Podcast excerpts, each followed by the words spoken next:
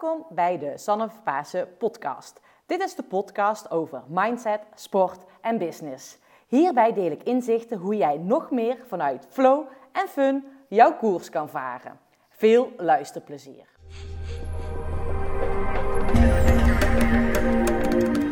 Soms heb je dat. Dan ontmoet je iemand en denk je: Wauw, jij bent een tof persoon en we hebben zoveel raakvlakken. Ik, um, Margriet de Schutter kwam op mijn pad via social media en ik had zoiets van. Haar wil ik graag interviewen voor mijn podcastshow. Want zij heeft een mooi verhaal en dat vind ik de moeite waard om te delen. In deze podcastshow deel ik verhalen van mensen die tegenslagen hebben meegemaakt. Hoe ze hiermee om zijn gegaan. Hoe ze hun energieniveau managen. En hoe ze ervoor zorgen dat ze echt kunnen pieken, topprestaties kunnen leveren. Margriet heeft er alles aan gedaan om de Spelen, de Olympische Winterspelen, te behalen. Alleen dit is helaas net niet gelukt. Margriet neemt ons mee in haar weg naar de top en vervolgens de weg naar sportcarrière en wat ze nu doet. Ze heeft echt een enorm mooie missie. Ze heeft een schitterende documentaire gemaakt over haar sportcarrière. Echt over de, ja, de mooie dingen, maar ook de minder mooie dingen. En wat en waarom vooral sport ja, soms niet altijd even makkelijk is. Nou, dit is echt een heel mooi interview over het leven. Margriet is echt een enorm leuke dame. Ik kan jullie verzekeren, dit wordt echt een enorm mooi interview. Nou, voor nu nog, voor jou, voor de luisteraar. Jij maakt kans om deel te nemen aan een leuke, toffe mountainbike clinic, derde kerstdag. Wat je hiervoor mag doen, is tag mij op het moment dat jij een, mijn podcast deelt op social media. En wie weet ben jij derde kerstdag erbij. Ik ga uh, iedere week één kaartje verloten.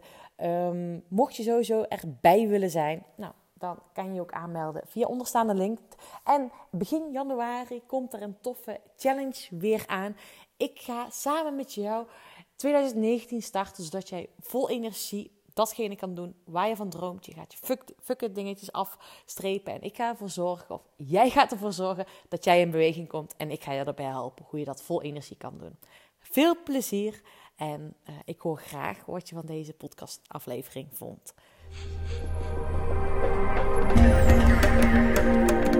Nou, luisteraars, deze keer ben ik weer op een andere mooie plek. Uh, op het moment dat je dit via YouTube kijkt, zie je dat we in Van der Valk zitten. Wij zitten in Zwolle.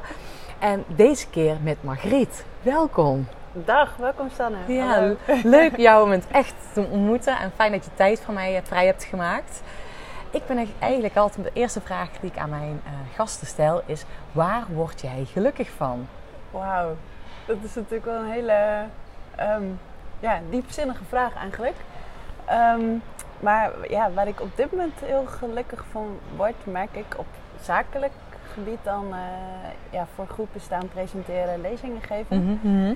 En daarnaast merk ik dat ik, ja, dat ik nu inmiddels gestopt ben uh, met shorttrack schaatsen. Dat ik juist ook wel heel erg kan genieten juist van de momenten bijvoorbeeld met mijn vriend of met vrienden, uh, familie. Dat je gewoon iets meer tijd uh, ja, voor hebt. In, van je sociale contacten. Want destijds, hè, je, je zegt ondertussen, je bent acht jaar geleden gestopt met jouw uh, shorttrack carrière. Ja. Um, had je toen daar geen tijd voor? Um, nee, eigenlijk niet. Nee, je bent gewoon uh, op een duur twee tot drie keer per dag aan het trainen. En nee, dat hoef ik jou niet uit te leggen volgens mij. en uh, ja, dus op een duur ja, snappen zij dat ook. Of tenminste de mensen die het niet snappen, die, die ja, gaan eigenlijk automatisch, ja, verdwijnen ze ook een beetje helaas. Of ja, toch uit je leven. Ja, ja. Uh, ja want dat, dat, gaat helaas gewoon niet. Nee. Dus dan, uh, ja, het contact ging voornamelijk via uh, ja, social media of bellen. Um, dus ja, daar hadden we toen mee te doen. Ja, dus leuk, daar gaan we het zo meteen nog even over hebben. En waar ik ook nieuwsgierig naar, je zegt gelukkig staan voor groepen.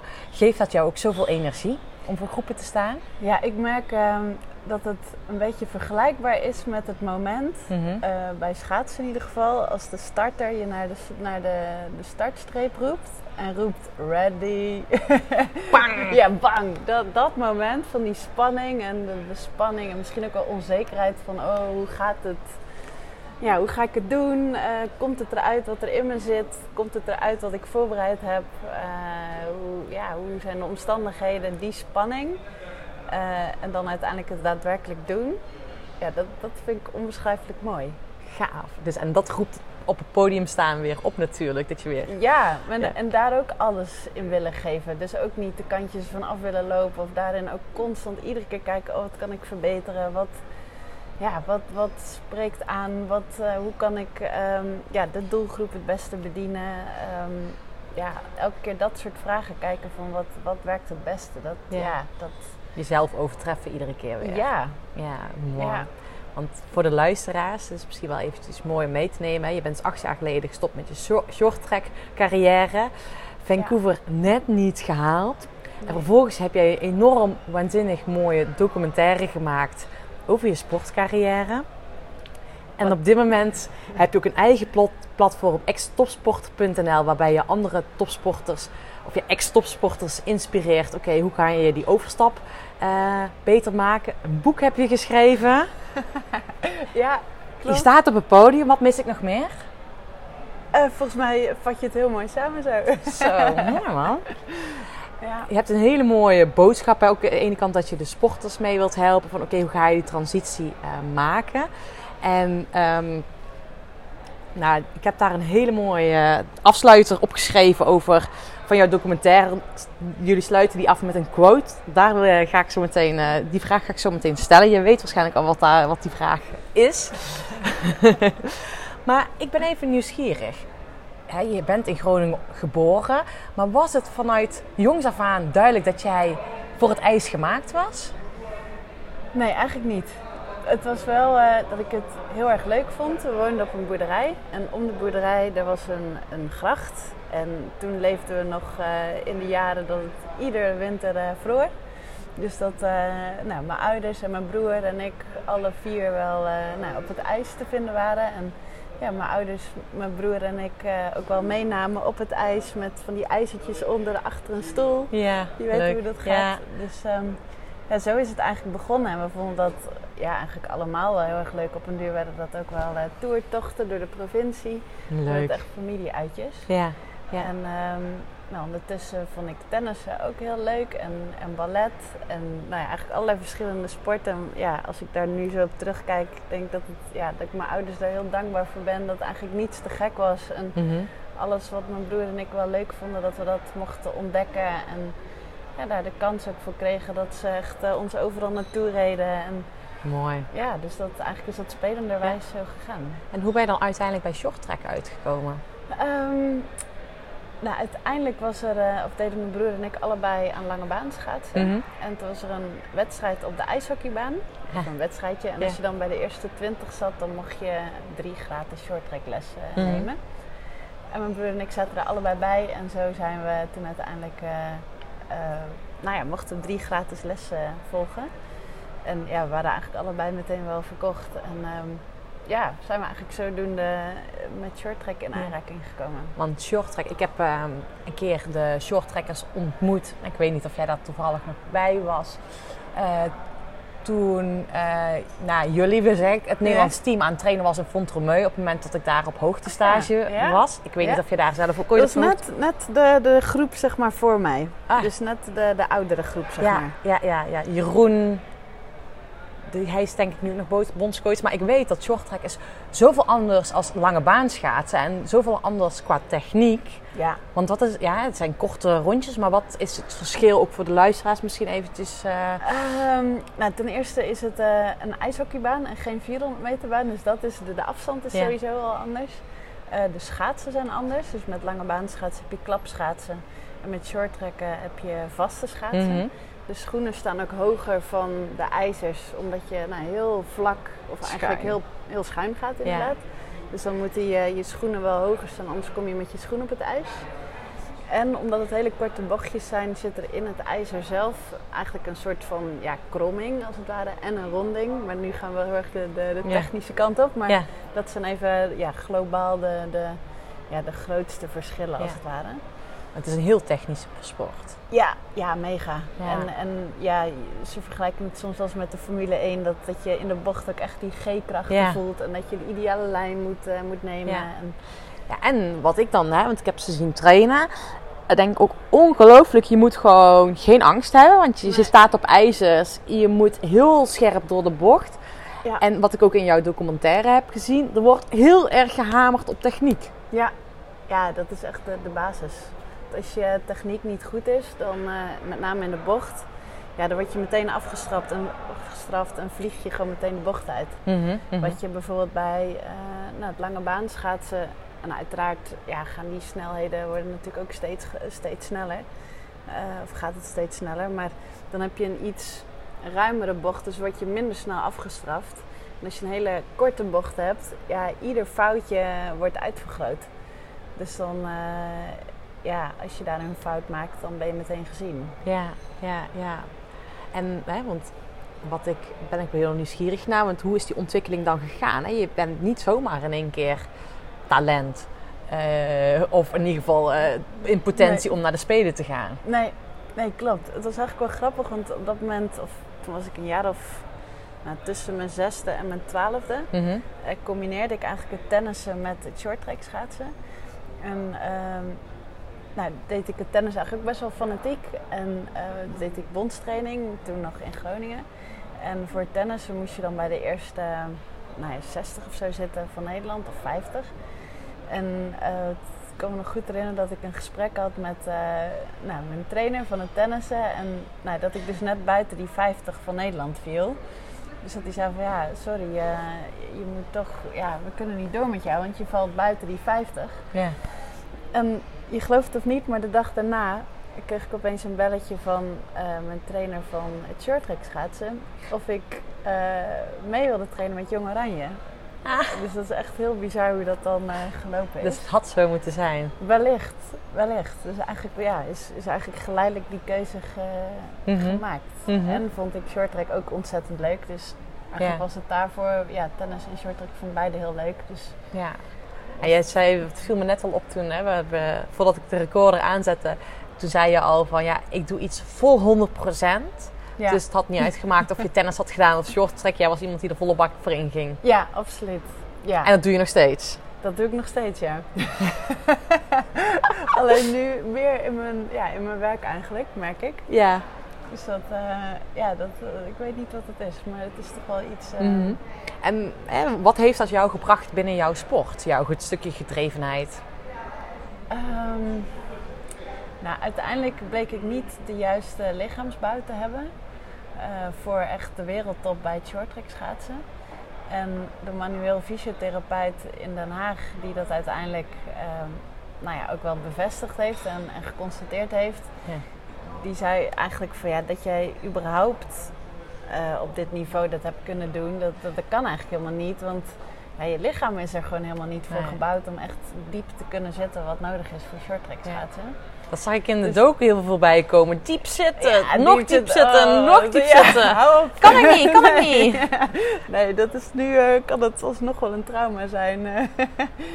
maar ehm, nee, dus dat, ik denk dat ja, dat heeft wel geholpen, zeg maar, mijn fanatisme om ehm, ja, toch schijnbaar verder te kunnen dan, dat, dan wat eigenlijk Mhm. theoretisch mogelijk is. Ja, maar wat is er dan? Iets met jouw enkels? Zijn Ehm, stijver of wat? eh? Ja, mijn gewrichtjes in mijn voeten, Mhm. dat zijn een soort van, eh, ja, die manueel fysiotherapeut dat vertelde, een soort van spalken. Mhm.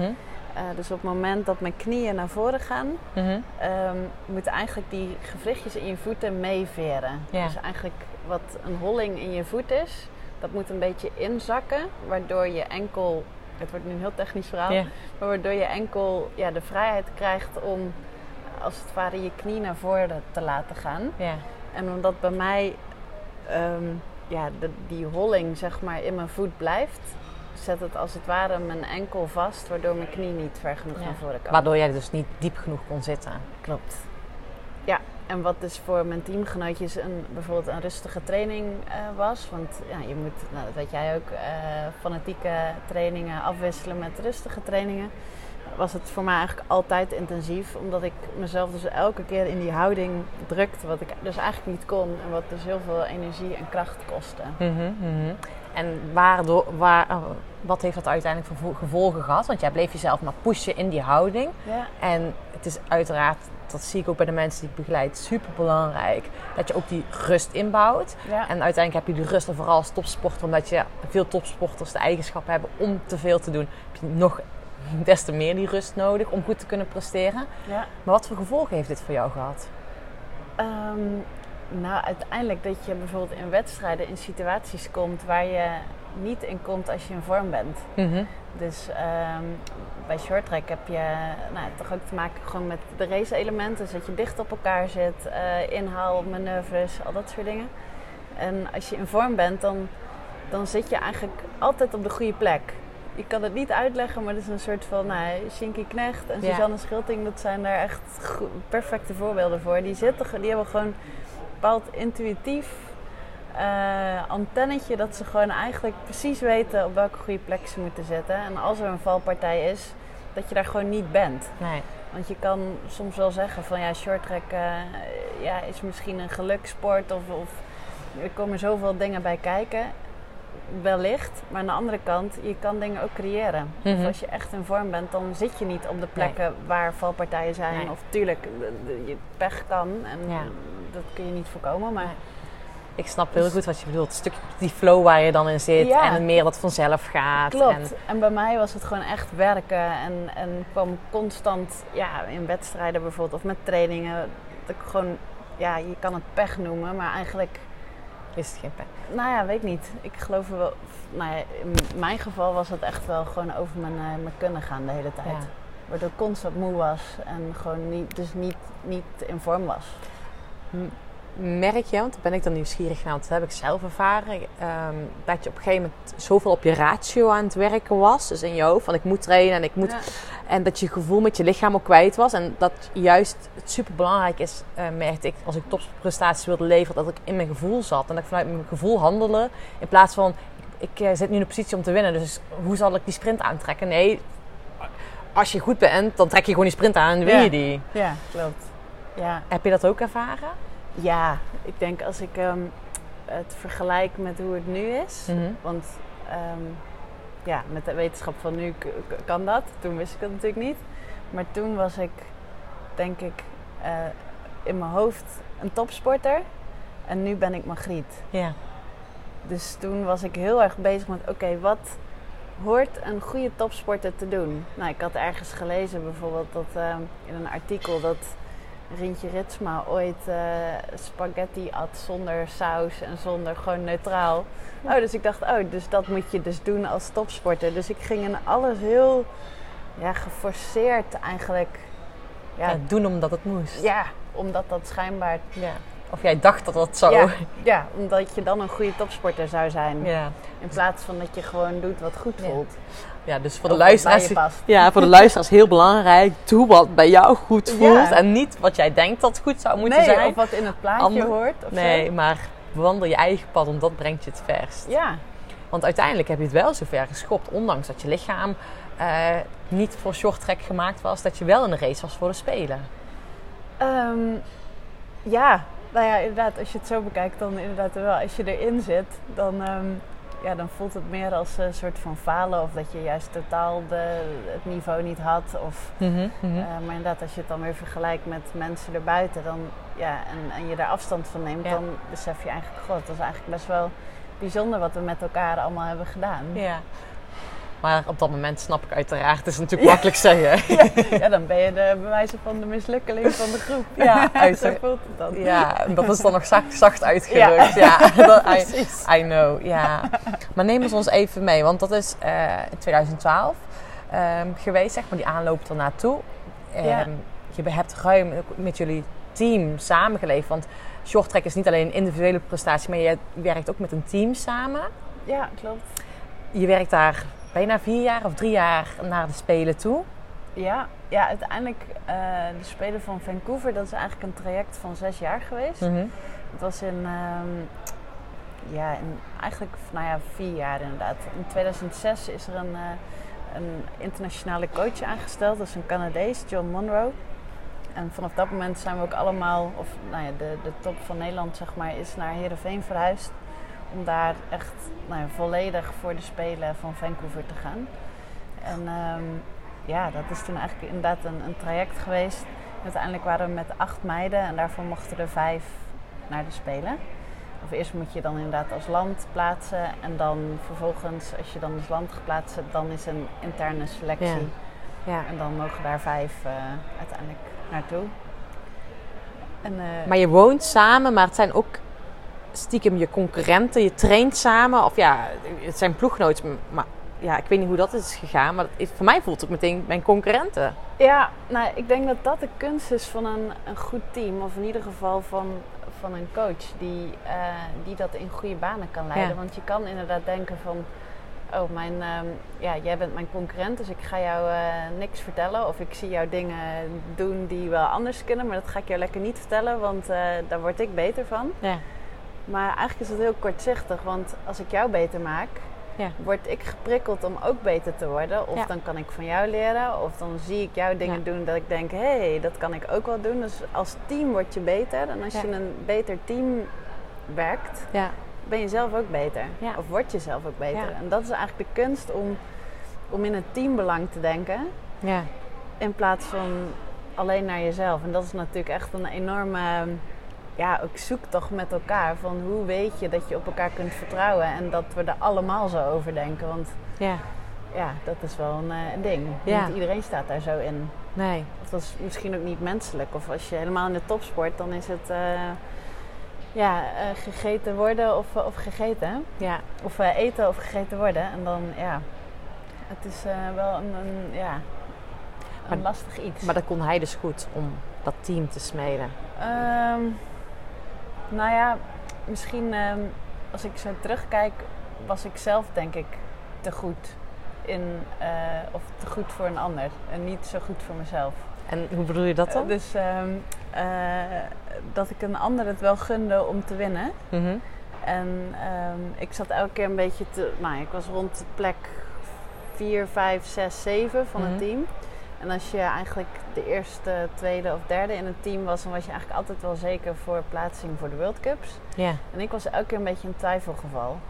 Dus ik ging in het team of tijdens trainingen altijd kopwerk doen. Want ik dacht van ja, als ik in de training mezelf laat zien. Dan, want ik kreeg tijdens de selecties of selectiewedstrijden te horen van mijn trainer van ja, nee, um, je hebt je nu wel ertussen gereden, maar uh, ja, in de trainingen rijden die rondjes nog niet. Dus we vertrouwen niet uh, erop dat jij het kan. Oh. Dus met als gevolg dat ik me dus in de training echt non-stop liet zien en kopwerk ging doen. Waardoor die anderen dachten, oh leuk Margriet, ja. uh, leuk van je, doe ja. maar hoor. Uh, wij, wij, gaan er wel, wij gaan er wel achter en dan uh, we zien elkaar op de wedstrijd. Dus je bleef jezelf maar echt tot het naadje gaan. Ja. Met het en, uh, feit wat je nu weet, dat toen dat je niet de, juiste lichaamsbouw hebt, waardoor je al te veel deed. Klopt, waardoor ik tijdens de wedstrijd opgebrand was, of dat de ander ja. net even wat uit, meer uitgerust was, waardoor het eigenlijk al een, een onbegonnen missie was. Ja, want uh, ik, we, hebben, we hebben een vergelijkbare achtergrond, we zijn allebei op een boerderij opgegroeid. Uh, ik, ik hoor hier wel af en toe mezelf praten. heb, je het gevoel, oh ja? heb, je, heb je het gevoel dat je dit vanuit het huis uit mee hebt gekregen? Van je moet ergens hard voor werken, anders kom je er niet? Ja. Nou ja, ik zie jou nu op een bepaalde manier kijken. Volgens mij is het een suggestieve vraag. maar um, ja, nou ja, dat herken je dan denk ik wel. Uh, vanuit uh, ja, de boerenachtergrond is het wel heel erg van hard werken en um, ja, niks doen. Dat, uh, dat komt in het woordenboek niet nee, voor. Nee. En helemaal uh, ontspanning, dat is eigenlijk verloren tijd. En um, ja. dat verdien je pas bewijzen van als je heel hard, echt, maar dan ook echt heel hard gewerkt ja, hebt. Dat je totaal gesloopt bent, dan mag je misschien ontspannen. Ja, maar dan eigenlijk, nou dan moet je er wel echt helemaal afleggen, ja. want anders nog steeds ja. niet. Nee, ik weet als ik bij mijn, bij mijn ouders vroeger niks te doen had, dan zei mijn vader altijd: Kom maar mee naar achteren, ik heb nog genoeg te, dingen te doen. Ja. Oké, okay, dus ja. ja. Ja, precies. Dus dat, dat is heel herkenbaar. Ja. en uiteindelijk, hè, want je hebt het zelf dus als het ware opgebrand, als ik jou zo een beetje hoor. Misschien is het een conclusie die ik nu na aanleiding van jouw verhaal trek. Um, ja, ik ja, denk het wel. Want ik hoorde ook in jouw uh, documentaire uh, dat je ook op het einde last kreeg van veel blessures. Ja. Ja, klopt. Ja, eigenlijk gaf mijn lichaam, als je het metaforisch bekijkt, al echt zoveel signalen van uh, Margriet, dit past gewoon niet meer bij je. Nee. Uh, mijn lichaam, ja, van een, um, eh, gekneusde enkel tot schouder uit de kom, tot nek gekneusd. Allemaal door valpartijen en ja, gewoon je, je, lichaam overbelasten als het ware. Mhm, mhm. Dus ja, hoeveel meer signalen wil je nog hebben? Maar mijn hoofd die was zoveel sterker en die wilde zo graag een bepaald doel. En ik geloofde mhm. nog zo in, zo in een bepaald wonder van ik ja, ga naar nu, die spelen. Nu niet, maar uh, nou, misschien gebeurt er nog iets waardoor het me nog wel gegund is. Ja, ja. Maar denk je niet achteraf gezien, hè, want je hebt een hele sterke, uh, sterke mind, dat op het moment dat je wellicht hè, wat meer rust had durven te nemen en misschien gewoon wat tactischer had getraind, um, dat je er dan meer uit had kunnen halen? Uh, ja, denk ik wel. Alleen dat vertrouwen had ik toen niet. Nee, om te rusten. Om te rusten. Want ik had constant het gevoel, ik word niet gezien of ik, ik laat me niet genoeg zien. Mhm. Dus ik had juist constant het gevoel dat ik mezelf moest bewijzen tegenover de trainer, als het ware. En werd het dan ook tegen je gezegd? wel het stukje van, je laat het niet in die trainingen zien, maar zit er ook nog iets achter?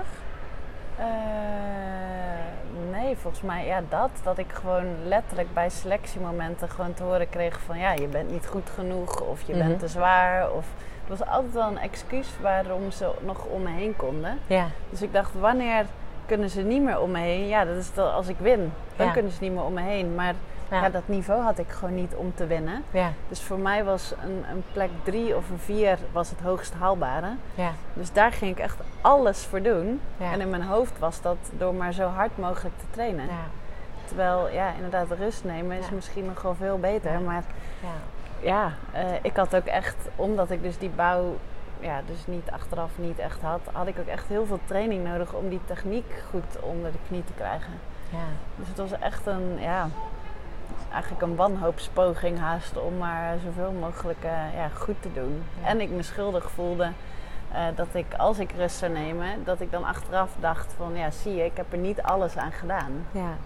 Ja, omdat je dan je eigen schuldgevoel had. Dus wat je deed, je legde die lat zelf zo hoog, omdat je echt diep van binnen ervan overtuigd was dat de, dat de enige manier van, ja, was om dat te bereiken, om hard te werken, dan bereik ik dat. Ja, precies. Het is een patroon die je door, hè, door je opvoeding hebt ontwikkeld. Wellicht, ja. Grote kans, ja. En dat is ook wel voor de luisteraars die nu luisteren. Ik denk dat heel veel mensen dit herkennen. Ook gewoon in het dagelijks leven. Ehm, de lat voor zichzelf zo hoog leggen en niet durven gas terug te nemen, want ze denken dat ze dan tijd verliezen. Ja. Ik denk dan dat ze juist tijd winnen. Hoe kijk jij daar tegenaan door even gas terug te nemen? Um, nou, dat, dat is iets wat ik heel lastig vond en stiekem nog steeds wel lastig vind. Dat ik merk dat, uh,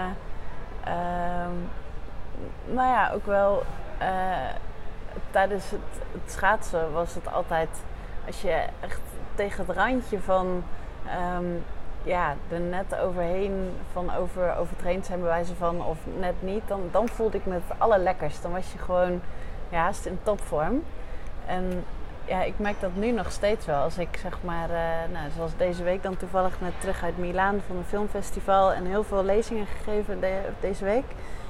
Eigenlijk als je het zou vergelijken met een, nou ja, iemand die ja, of als ik het tegen iemand zou zeggen, dan zeggen ze: Nou, doe eens normaal. Dit, dit, je moet even op jezelf passen, neem even rust. Maar nu voel ik me juist op het lekkerst, terwijl ik eigenlijk misschien wel echt heel erg moe ben. Maar gewoon dat gevoel van ja, er alles uithalen en op het randje zitten.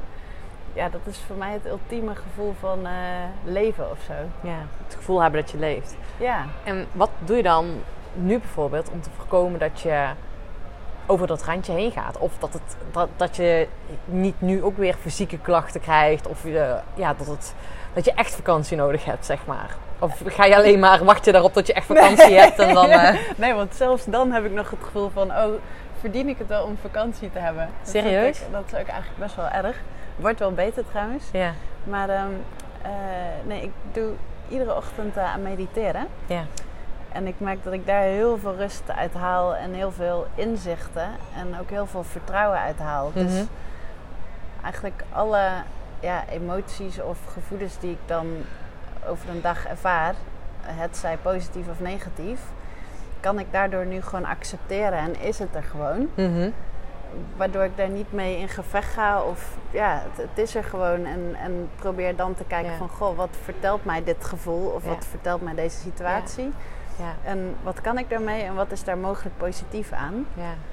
Mooi. Ja, en dan is het informatie. Dan is het niet meer ehm, ja, iets waar je stress van kan Nee. krijgen. Dan is het gewoon, oké, het is weer een Ja. soort van cadeautje of informatie Ja. waar ik mee verder kan. Ja, super mooi. Mediteren is echt zo waardevol dat je echt tot rust kan komen en ook minder oordeelt over jezelf. Ja. En, Want dat doe jij ook? ja, ja, ja, ja, ik heb heel veel aan mediteren.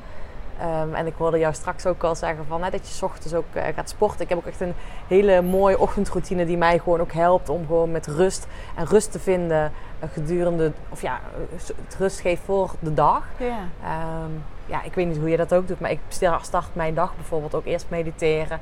Ik schrijf ook heel veel in de ochtend, maar ik ga ook mijn focus en mijn doelen bepalen, zodat ik, ja, weet je wel, als we ons gaan focussen op die to-do-lijst, Ja. Ik weet niet hoe het bij jou is, maar bij mij is die nooit af. Maar als ik me ga focussen op drie focuspunten, Ja. eh, die heb ik vaak al voor tien uur gedaan, en dan is mijn dag sowieso geslaagd, want ik heb die focuspunten heb ik. ja. gedaan. Ja, mooi. Ja. Dus dan heb ik altijd een voldaan gevoel. Ja. Maar hoe ziet jouw ochtendroutine er nog meer uit? Een stukje mediteren, zeg je? ja, ik probeer eh 20 minuutjes te mediteren en dan een soort van buikcircuit, eh, ja, een circuitje. Dus Ja. Buik, maar ook wel benen en billen. Dus Mhm. dat je dan eh, squats doet en dat soort dingetjes. Ja. Het is echt maar vijf minuten, dus het, eh, eigenlijk stelt het helemaal niks voor. Nee. Maar door het iedere dag te doen, merk ik gewoon dat het gewoon ja, nu op de lange termijn echt effect heeft. Ja, ja. En ehm, ja, ik word dan gewoon bewust van ja, mijn lichaam of zo. Ik Ja. voel dan gewoon mijn lichaam. Ja, dan voel je weer je energie stromen. Ja, klopt. cool. Ja. En eh, wat ik daarna ook doe, of als ik dan een douche neem, dan douche ik ook koud af. dat doe jij ook. Doe ik ook, ja. dat vind ik echt super fijn. Dan is het gewoon. eh, wat ik dan ook nog wat doe, is dan, dan visualiseer ik dat die koude douche positiviteit is. oh, ga nu wel heel ver. Nee. Maar dat doe jij ook. ik, dat doe ik niet, maar ik, ik begin wel met, ook met visualiseren. Doe ik de dag en affirmaties. Grappig. ja, ik veel mooie... ja, Ja, maar dan zie je ook Ja. wat mind kan doen. Hè? ja, ja, want, de- zo want negativiteit is net zo waar als positiviteit. Ja. Dus waarom ja, dan niet kiezen voor die positieve Ja. mindset? ja, en van nature zijn wij er veel eerder op geneigd om... ehm, ja, ga- gaat onze aandacht automatisch naar het negatieve toe. Ja. En we vergeten, of vergeten, hè, daar moeten wij meer moeite voor te doen om te focussen op het positieve. Dus op het moment dat je daar s ochtends eerst meteen bij stilstaat, geeft meteen zo'n energieboost om gewoon eh, ja, op die positieve dingen te focussen. Dus Ja. dat is wel heel mooi dat het jou zoveel kracht geeft. Maar daar ben ik wel nieuwsgierig naar, want deed je dit ook al tijdens je sportcarrière? Nee. Nee, nou dat, dat koud afdouchen wel. Mhm. Nou, dat uh, buikcircuitjes en dat soort dingen natuurlijk ook. Of Ja. tenminste, dat was gewoon onderdeel van de trainingen. Ja. Eh, maar ja, nee, verder dat mediteren niet. Nee. Mooi, ja, dat is eigenlijk jam, is jammer is dat. Hè? Want dat had je wellicht dan ook veel meer rust kunnen geven. En ook weer die connectie kunnen maken met je gevoel. Wellicht. Aan de andere kant, misschien was ik er toen nog niet klaar voor. Nee. Ik weet dat ik me tijdens mijn sportcarrière ben ik er heel veel mee bezig geweest. En heeft mijn, eh, mijn mental coach destijds heeft dat heel erg gezegd, gezegd van Sanne, doe dat nou. En ga die rust nemen. En als het goed ging, dan deed ik dat. Ja. Maar op het moment dat ik het echt nodig had, had ik die rust niet voor, daarvoor. ja. Eh, en ehm, ik merk nu, weet, weet, ja, misschien ben ik er nu wel helemaal klaar voor. Maar nu merk ik echt, als ik het niet doe, weet je wel, dat is geen optie. Dan doe ik het een minuut. Een minuut intunen op mezelf om mijn gevoel weer ja, even te voelen van oké, hoe voel ik mezelf? Ja. En waar heb ik vandaag behoefte aan? Ja. En eh, dat helpt mij dus ook heel erg zeg maar, om, ja, om de keuzes te maken die ik ja, wil maken. Lastige keuzes maak ik ook vaak ja, hierdoor. Ja. Of ja, na een meditatie, of het komt tijdens een meditatie op. Dus dat is wel echt heel mooi. ja, mooi. Ja, Heel, super. heel mooi. Maar eventjes terug, hè, want we zijn nu al naar het nu. Maar ik ben nog heel nieuwsgierig ehm, hoe het is gegaan. Hè, het moment, wanneer wist je dat je niet naar de Spelen ging? Ehm, nou, achteraf had ik het natuurlijk veel eerder kunnen weten. maar ehm, daar eh, ging ik eh, niet naar luisteren. Want ik geloofde altijd nog in een wonder. En dat is misschien ook wel topsport eigen. Van ja, als je daar heel realistisch misschien wel in bent, ja, dan kun je er überhaupt beter niet aan beginnen. Want topsport is niet altijd realistisch. Daar moet je misschien ook een beetje gek voor zijn. Of gewoon in het, eh, ja, iets wat onmogelijk is, daar moet je in geloven. Anders lukt het misschien überhaupt niet. Maar eh, we hadden eh, de allereerste wedstrijd van het seizoen. Dat was ehm, in september, oktober van 2009. En de Olympische Spelen waren in februari 2010.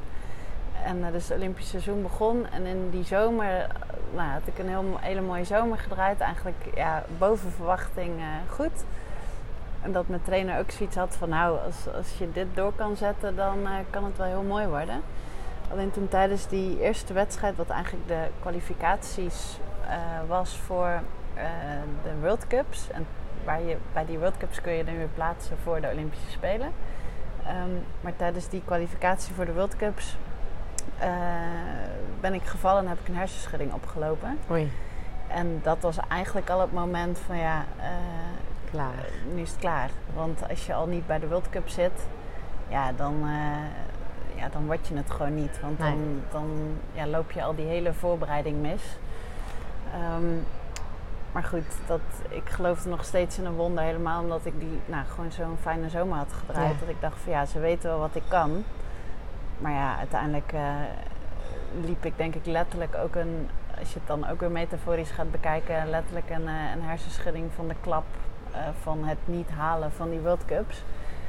Ja. dat ik daar gewoon ook letterlijk nou ja, kapot van was. En dan begin je gewoon, omdat het een Olympisch seizoen is, nam ik niet die rust die uiteindelijk nodig was voor een hersenschudding. Want, nou ja, dat is ook wel weer persoonlijk, maar je moet toch echt wel minimaal twee weken echt... Uh, ja, niks doen. Ja. Nou, niks doen. Maar goed, in een Olympisch seizoen uh, is dat het ergste wat er is. Dus ik begon weer te snel en nou ja, toen viel ik van het een en het ander. En um, ja, dus eigenlijk was het gewoon vanaf dat moment in september was het eigenlijk al klaar. Vanaf september al? Nou ja, dan die wedstrijd eigenlijk. Toen was het eigenlijk achteraf gezien al klaar. Maar en wanneer heb jij hè, dat, dat achteraf gezien, maar wanneer heb jij het moment, of wist jij het dat het niet ging lukken? Um, of ging jij het pas echt inzien dat het ging lukken? Nee, dat was pas uh, eigenlijk, nou, ik denk pas een maand, nou ja, anderhalve maand voor de Spelen. Oh ja. Uh, toen. Um, ja, het is eigenlijk best wel een lang verhaal. Ik, misschien kan ik het even heel kort samenvatten. Was na die selectiewedstrijd, toen ik dus een hersenschudding opliep, twee weken later stond ik weer op het ijs. Maar toen, uh, dat was dus weer veel te vroeg. Toen uh, kwam ik in de aanraking met een valpartij in een training, waardoor het, nou, ik weer terug bij af was. Uh, weer twee weken rust, of nou niet rust, maar nou, ik kon natuurlijk niet verder bouwen aan, aan het gebeuren. Ja. Toen twee weken later stond ik weer op het ijs.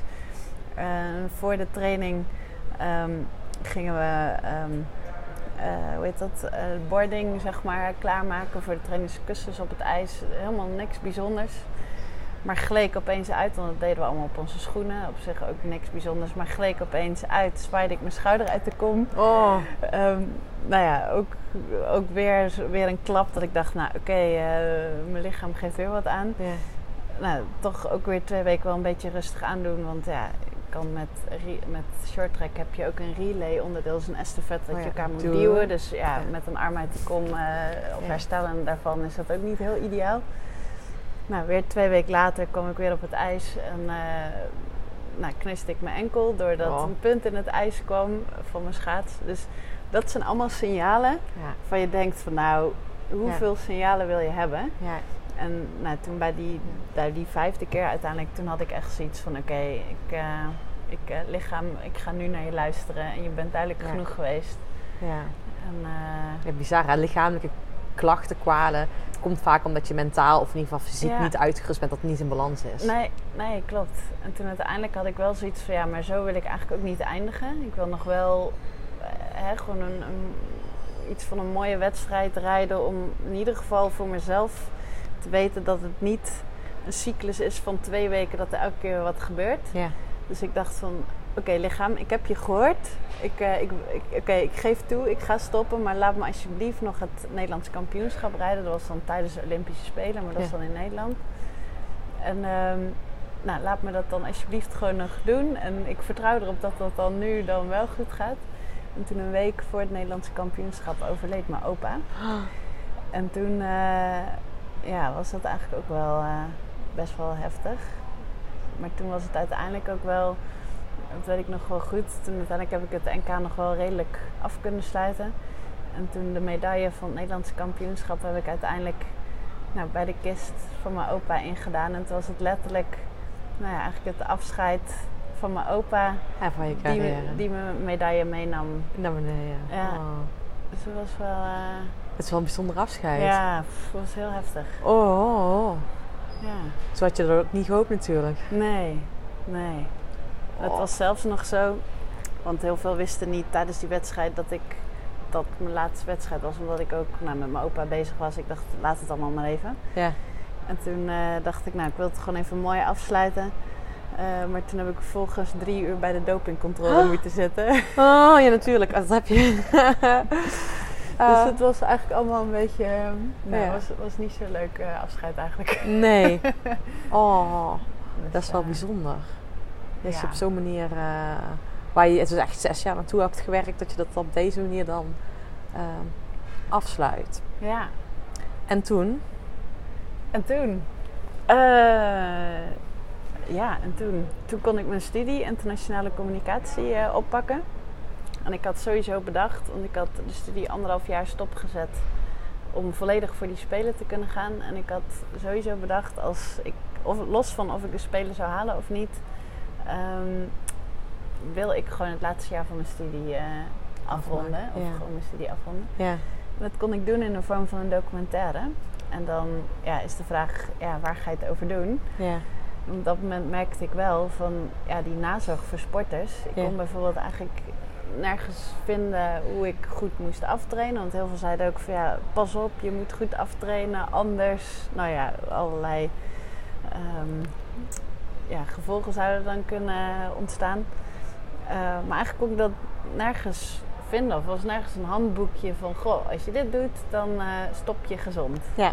Nee, klopt. nee. Ja. En die is er eigenlijk nog steeds niet, want ik kwam erachter dat het natuurlijk ook gewoon heel erg persoonlijk is. Want Ja. de een die heeft hier behoefte aan, de ander heeft daar behoefte aan. Maar goed, daarnaast merkte ik ook mentaal gezien dat ehm, ja, mensen die niet uit de sport komen, ehm, ja, het eigenlijk heel lastig konden te begrijpen. Want die hadden zoiets van, je stopt met je hobby, wat is het probleem? Ja. Eh, en nou ja, dat hoef ik ook niet te zeggen. Het is een complete lifestyle Ja. waar je mee stopt. En dat wilde ik graag laten zien. Dus zo is eigenlijk het idee ontstaan om nou ja, daarover een documentaire te Ja. maken. En die is echt heel mooi.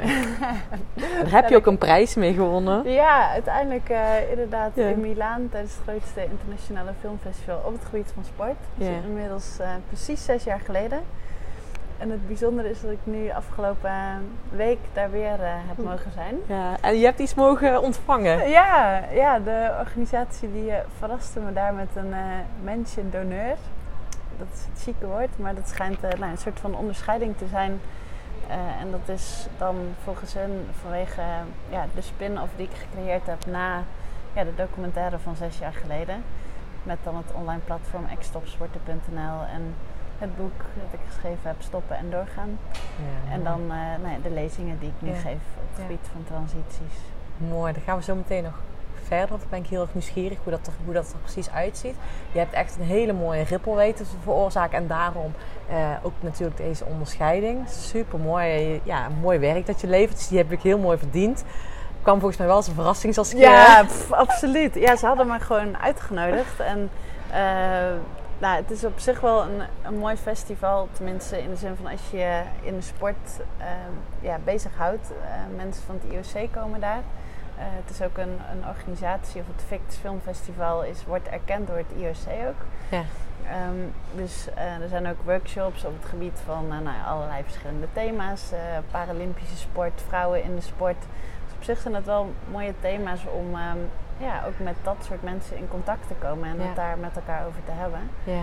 Ehm, dus voor mij was dat al voldoende aanleiding om eh, ja, ook nou ja, met, met hen in contact te komen, met filmmakers uit de sport, met omroepen uit de sport wereldwijd. Ja, en toen ze dan uiteindelijk dus eh, tijdens de ceremonie, eh, het was deels ook in het Italiaans allemaal, het was in, in Milaan en ze, ze hadden die, die uitreiking voor de helft in het Italiaans en de helft in het Engels. Dus opeens zag ik mijn foto groot op het scherm en toen waren ze bij het Italiaanse deel en ik dacht, Wat is dit? wat is er aan de hand? Dus ik dacht, wat gebeurt hier? En toen zag ik opeens iemand achter de coulissen van mij zo wenken van kom naar, naar voren, naar voren. En ik wist dus bij God niet, dat mijn Italiaans nog niet zo heel goed, dat, Ja. ehm, nou, waar het voor was. Dus ging, kwam daar naar voren. Toen kreeg ik opeens een medaille en een oorkonde. En Oh, nou ja, toen uiteindelijk bleek achteraf dan dat het ehm, Daarom een was. uh, mention-doneur was. Ja. Oh, super proficiat ermee. Dankjewel. Ehm, ik ben heel erg nieuwsgierig, want in de, de documentaire sluiten jullie af met de woorden: eh, Er is wel degelijk iets als een zwart gat. Is dat zo? nou, dan is de vraag, wat is een zwart gat, hè? Heb jij het zwarte gat ervaren?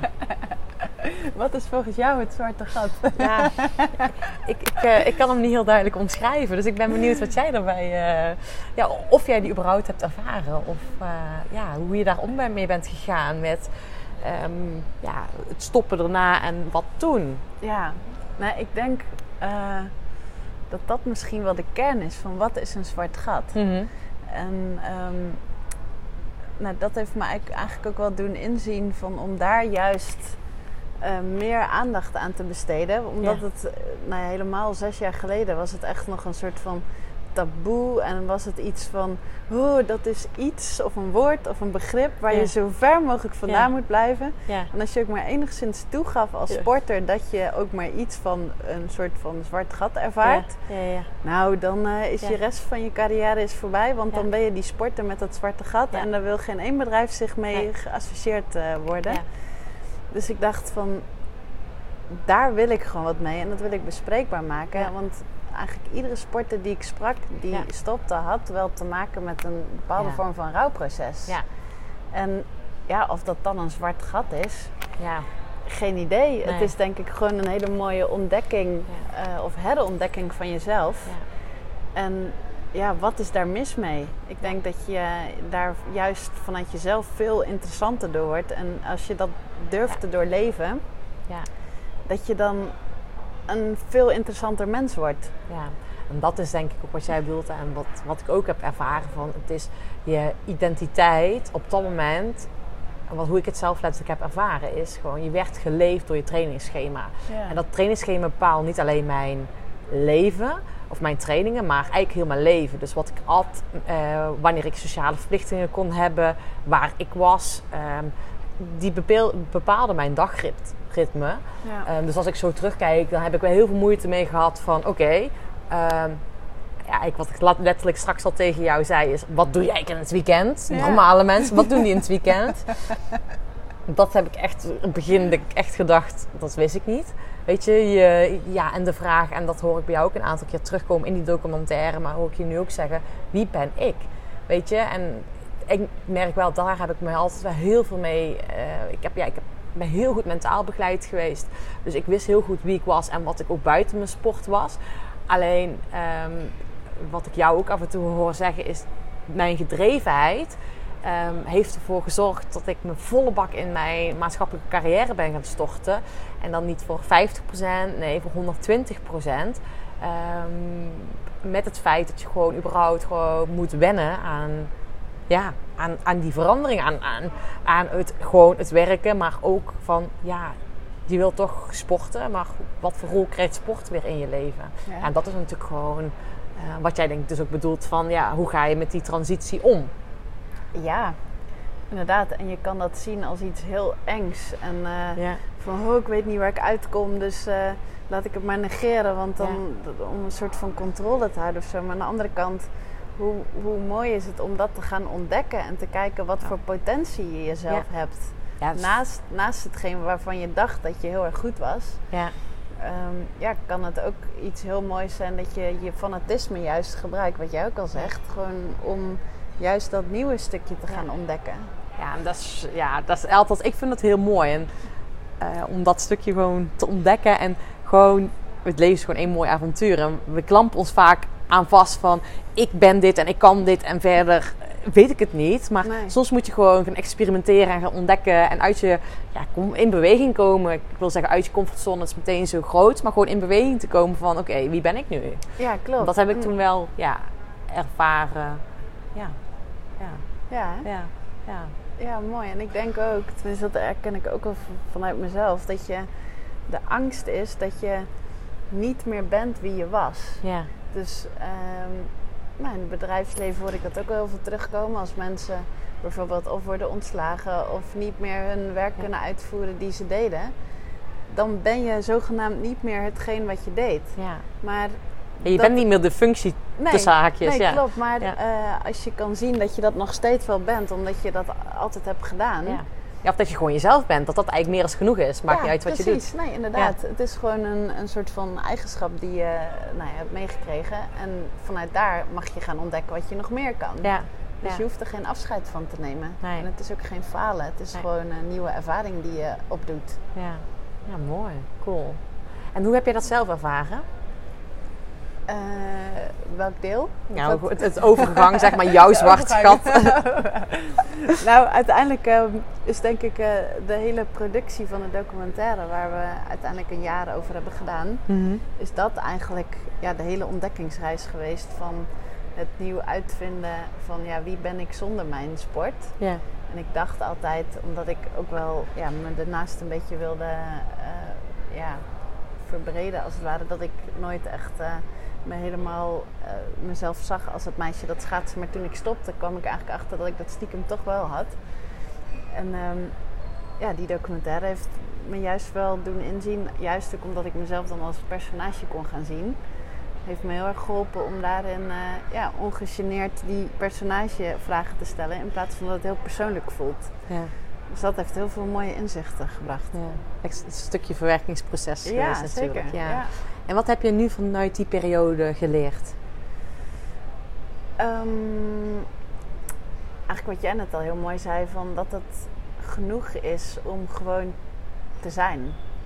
Eerder had ik altijd het gevoel dat ik een middel nodig had om goed genoeg te zijn. Dus achteraf gezien het schaatsen of als, als klein meisje had ik heel veel eczeem.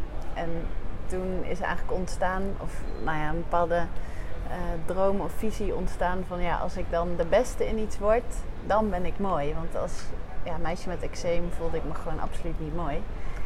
En toen dacht ik van nou, als ik dan ergens iets heel goed kan, dan kan ik het compenseren. En ja, achteraf gezien, nu ook door die documentaire en het schrijven van het boek, ben ik eigenlijk achtergekomen dat ja, die middelen gewoon niet meer nodig zijn. En Mm. dat het gewoon voldoende is om gewoon te zijn. Ja, mooi is dat. Dat is een heel mooi inzicht. Want dat is, wij denken ook heel vaak, tenminste dat heb ik ervaren ook gewoon. We denken op het moment dat je ergens naartoe streeft, dat dat het ultieme geluk is. Ja. En dan ben je er nog. Ik weet nog letterlijk toen ik de wereldbeker won en ik stond er op het podium. Groot prijs. En toen dacht ik letterlijk, is dit het nou? Hoort dat zo te voelen? Echt, Ik ben er gewoon Sanne. Verder, Ja, echt? Want hoe, wat...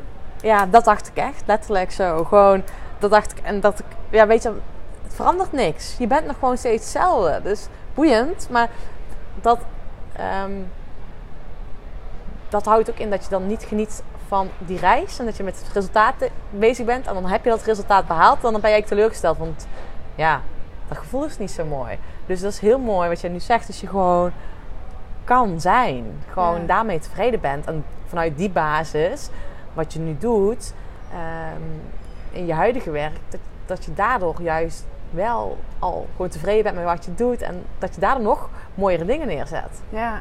Want je hebt een stabiele basis. ja, want dat is inderdaad nu dat ze zegt, was ook wel een inzicht. eh, want ik merkte ook na het schaatsen nog steeds dat ik niet tevreden kon zijn met hetgeen wat ik deed. Ja. Ik was met heel veel dingen bezig, met, nou, met presenteren, met boek schrijven, met van alles. Maar dan vergeleek ik me met de beste van, van eh, nou, bijvoorbeeld eh, het presenteren deed ik, maar ik was nog niet zo goed als Umberto Tan bijvoorbeeld. Ik schreef een boek, maar ik was nog niet zo goed als de beste auteur van de wereld. Eh, ik gaf lezingen, maar ik was nog niet zo goed als eh, een speech van Obama, weet je wel. Al dat soort dingen ging ik mezelf gewoon helemaal gek maken. Maar zelfs ook al, ja, en wat is de beste zijn, maar ook al zou je dat misschien een keertje zijn, ja, dan kun je altijd nog wel weer wat anders bedenken dat er weer iemand anders beter is. En dus het is een, nou Ja. ja, het houdt nooit op. Nee. Dus toen tijdens het mediteren ontstond er op een duur het inzicht van... Oké, hoe zou ik me voelen als ik dus schijnbaar een doel zou halen? Mhm. En toen kwam ik eigenlijk achter dat ik dan nou ja, tevreden zou zijn, want dan, nou, dan heb ik het gehaald. ik zou eh, verwonderd zijn, want ik dacht, wow, nou, dit, eh, dit heb ik gehaald, had ik Mhm. niet verwacht. En, ehm dat is heel erg, ben ik de derde natuurlijk vergeten. Ehm, eh, oh ja, en ik zou dankbaar zijn. Want nou, dat je het dan haalt, dat is gewoon, nou, daar mag je dankbaar voor zijn. Maar toen dacht ik, als dat dus de eigenschappen zijn die ik dus schijnbaar in mijn visualisatie zou bedenken, als ik dat doel heb behaald, dan kan ik daar toch veel beter nu al mee beginnen, want dan heb ik dat doel niet meer nodig. Ja. Ja, en toen is eigenlijk het idee ontstaan, of nou ja, gewoon het gevoel ontstaan van, goh, hoe zou het zijn als ik dus iedere ochtend wakker word of ga mediteren met dankbaar zijn, tevreden zijn en eh, verwonderd zijn. Ja. En dat gewoon doet, eh, ja, Laten in- integreren in je systeem. Precies. Ja. En als ik met nou, die drie gevoelens gewoon iedere dag Ja. ja, kan zijn, dan maakt eigenlijk eh, ieder resultaat maakt niet meer uit. ja.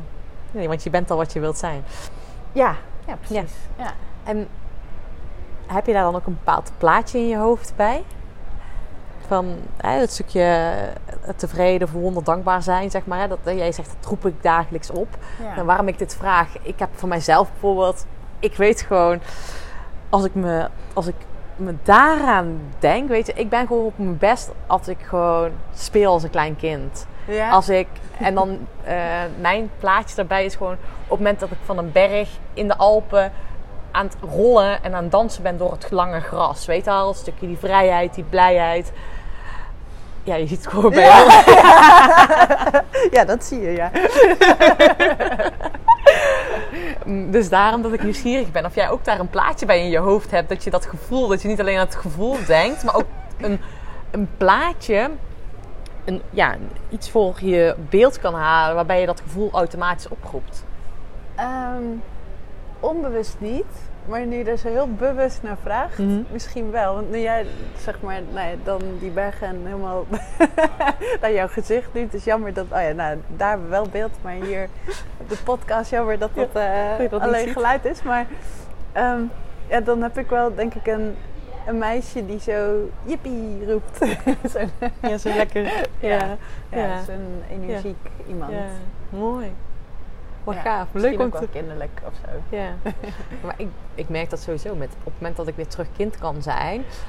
Dan, weet je, laat ik al die zorgen van me afvallen. En dan ben ik aan het spelen. En Ik Ja. zie het leven als een spelletje. Ja, mooi. En op het moment dat je het als een spelletje ziet, gewoon, weet je, ja, ooit maak je, je, je wint niet altijd. En ooit Nee. maak je een fout. En ooit eh, moet je de gevangenis in om even te rusten. Weet je, moet- maar dan, dan kijk je er ook luchtig naar. En ik denk dat wij veel te vaak dingen Heel te zwaar maken. En, en heel te moeilijk. serieus. Ja.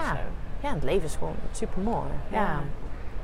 Wauw. Mooi. Ja, mooi. Ik vind het wel een mooie, mooie raakvlak hebben we. Ja. Dat is wel eh, heel erg mooi. En nu, want je geeft, hè, je hebt een boek geschreven. Dat is ook al echt een heel mooi proces natuurlijk voor jezelf geweest. Die documenta eh, documentaire heb je gemaakt. En je zei net ook al dat je eh, regelmatig veel op het podium staat als spreker. Ehm, waar spreek je over? Ehm, waar spreek ik over? Eigenlijk eh, probeer ik de mensen waar ik voor sta mee te nemen in mijn leven als eh ja, shorttrack schaatser. Hoe dat toen was, hoe die droom voor mij was en hoe dat ontstaan is vanuit een klein meisje met eczeem die dus mooi wilde worden. Eh, daarin neem ik ze mee. En dan vervolgens de boodschap dat ik niet de ideale bouw zou hebben om ja, uiteindelijk mijn droom te kunnen halen. En ja, wat gebeurt er dan? En dat moment laat ik ze dan ook een compilatie van mijn documentaire zien. En ik, zeg mijn documentaire, maar ik heb het samen met eh, Tom Verheul en Ismael Lots eh, mogen doen.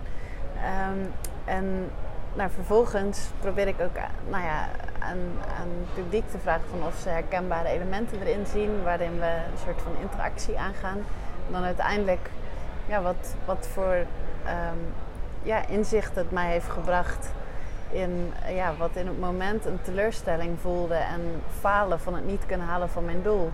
Maar ja, wat het me uiteindelijk wel gebracht heeft. En laatst ehm, heeft iemand mij geïnterviewd voor een eh, kinderboek. Die had een heel mooi cartoon eronder. eh, onder het verhaal. En er was een meisje die in de bergen stond. En die zegt van, nou, ik had die bergtop als doel. Maar uiteindelijk heb ik vanaf hier een veel mooier uitzicht. En toen dacht ik, wow, dit is zo typerend voor wat ik eigenlijk wil uitdragen en waar ik voor sta. En ja, dat probeer ik dus zeg maar mee te geven. En dat iedere tegenslag of negatieve ervaring die je ervaart, niet per definitie negatief hoeft te zijn, maar dat het puur informatie omvat waar je weer mee verder kunt. En als je daarnaar durft te kijken en kunt zien van wat, ja, wat er mogelijk positief aan zou kunnen zijn, ja, dan kun je daar hele mooie inzichten uit halen. Super mooi. Ja. En, en dat wil ik heel graag, of nou ja, dat, dat ja, probeer ik tijdens mijn lezingen Ja. zoveel mogelijk te verspreiden en ja.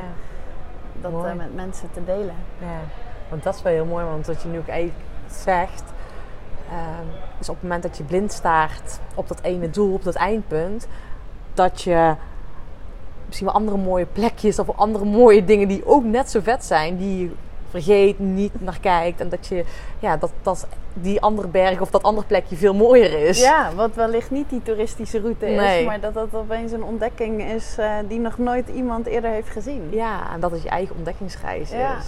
Oh, dat is wel heel gaaf. En hoe zie je jezelf de komende jaren? Wat zou je nog graag willen gaan doen? Of wat zijn je dromen voor komende jaren? Nou, ook dat wat ik eigenlijk geleerd heb van ehm, ja, mijn shorttrack tijd is eigenlijk toen had ik zo'n blinde visie op één ding dat ik daar nu juist een beetje ja, eh, voorzichtig mee wil zijn om me echt blind te staren op iets wat ik nu zou kunnen bedenken. Want misschien, ja, daardoor zie ik misschien eh, toevalligheden zie ik misschien niet. Nee. Dus nu zou ik erg, nou ja, waar ik nu mee bezig ben, is gewoon te vertrouwen op Het dat- gevoel. eh, ja, op het gevoel en, en juist op ehm, ja, tevreden zijn, dankbaar zijn en verwonderd zijn. En dan kijken wat voor moois er ontstaat. Ja, want het is er al. Het is er al, ja. Ja. Super mooi. Oh, heel mooi. Margriet, waar ik normaal gesproken altijd mee afsluit, dat wil ik bij jou ook doen, zijn eh, een aantal zinnen eh, die je af mag maken. dus ik start en dan mag je hem verder inzetten. Oké. Ik geloof in. Eh. Hoe lang mag ik erover nadenken? Ik weet niet hoe lang de luisteraars naar- daarna willen luisteren. Poeh. Ik geloof in, eh, in de kracht in jezelf. Mooi. Die heeft iedereen. Iedereen heeft Nee. mooi goud. Wat zeg je? Dit, dus ja, dat heeft iedereen. Ja, Iedereen die- ja, ja, ja, ja, ja, klopt. Ja, ja, ja, ja, ja. ja. vind ik wel. Iedereen, geloof ik in. Ja, iedereen Ja. heeft mooi goud in zichzelf. Ja, Alleen sommige absoluut. mensen durven er niet in te geloven. Nee, klopt. Ja. Ik wens de wereld. Ik wens de wereld eh, te vertrouwen in die kracht die ieder in zich heeft. Nou ja. Ik vind ook echt, mensen mogen zoveel meer in hunzelf Ja. vertrouwen. Ja. En het komt wel goed. Op het moment Ja. dat je tevreden bent met jezelf, dan kan je zoveel meer als dat eh, veel mensen denken. Zeker. Ja. Ja. Ik ben dankbaar voor. Eh, ik ben dankbaar voor. ehm,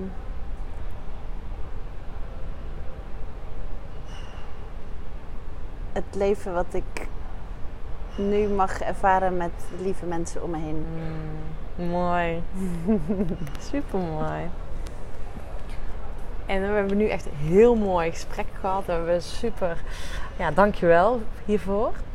Jij als- ook bedankt. Graag gedaan. En als de luisteraars, hè, wat zou je nou voor mooiste afsluitende inzicht of hè, van het verhaal wat we nu hebben verteld of wat jij hebt verteld, wat is denk ik het belangrijkste voor de luisteraar om mee te nemen? Mm, dat. eh, ik denk alles wat je ervaart, het zij iets heel negatiefs of, of het zij heel positiefs. ehm, eh, dat het mooi zou kunnen zijn als je kan kijken ernaar van wat vertelt mij deze situatie en wat daar mogelijk positief aan kan zijn. En voor mij zijn dat echt de twee vragen die mij in heel veel situaties, of misschien wel in alle situaties, gewoon heel veel steun geven. Dus wat vertelt deze situatie? En wat Ja. kan voor positiefs kan je eruit halen? Ja. Heel mooi. Super mooi. Dankjewel Margriet. Waar, als de luisteraars nu denken, waar kan ik meer informatie over jou vinden? Ehm, dat kan op extopsporter.nl. Eh, dat kan op Instagram op margrieteschutter.nl. Eh, .nl zeg ik op gewoon Margriet de Schutter. Maar toevallig ook margrieteschutter.nl, dat is ook een website. Ook je website, ja, ja, ja. Dat is gewoon eigenlijk je naam om in dan, ja, eh, ja, klopt. ja, Ja. helemaal goed. Nou, mooi, dankjewel. Jij ook bedankt. Bedankt Ja. voor het mooie gesprek en de mooie vragen. Ja, ja dankjewel. Mooi. Dankjewel voor het luisteren. Dit was weer echt een tof interview. Ik heb er weer heel veel waardevolle inzichten uitgehaald. Mocht jij nog iets voor mij willen doen, want ik zou het leuk vinden als nog meer mensen naar mijn podcast gaan luisteren, zou ik het tof vinden als je voor mij een eh, review schrijft. En, eh, of deelt op social media. Tag me gerust. En eh, ik vind het enorm leuk om jullie reacties te lezen. Dus dank je wel hiervoor.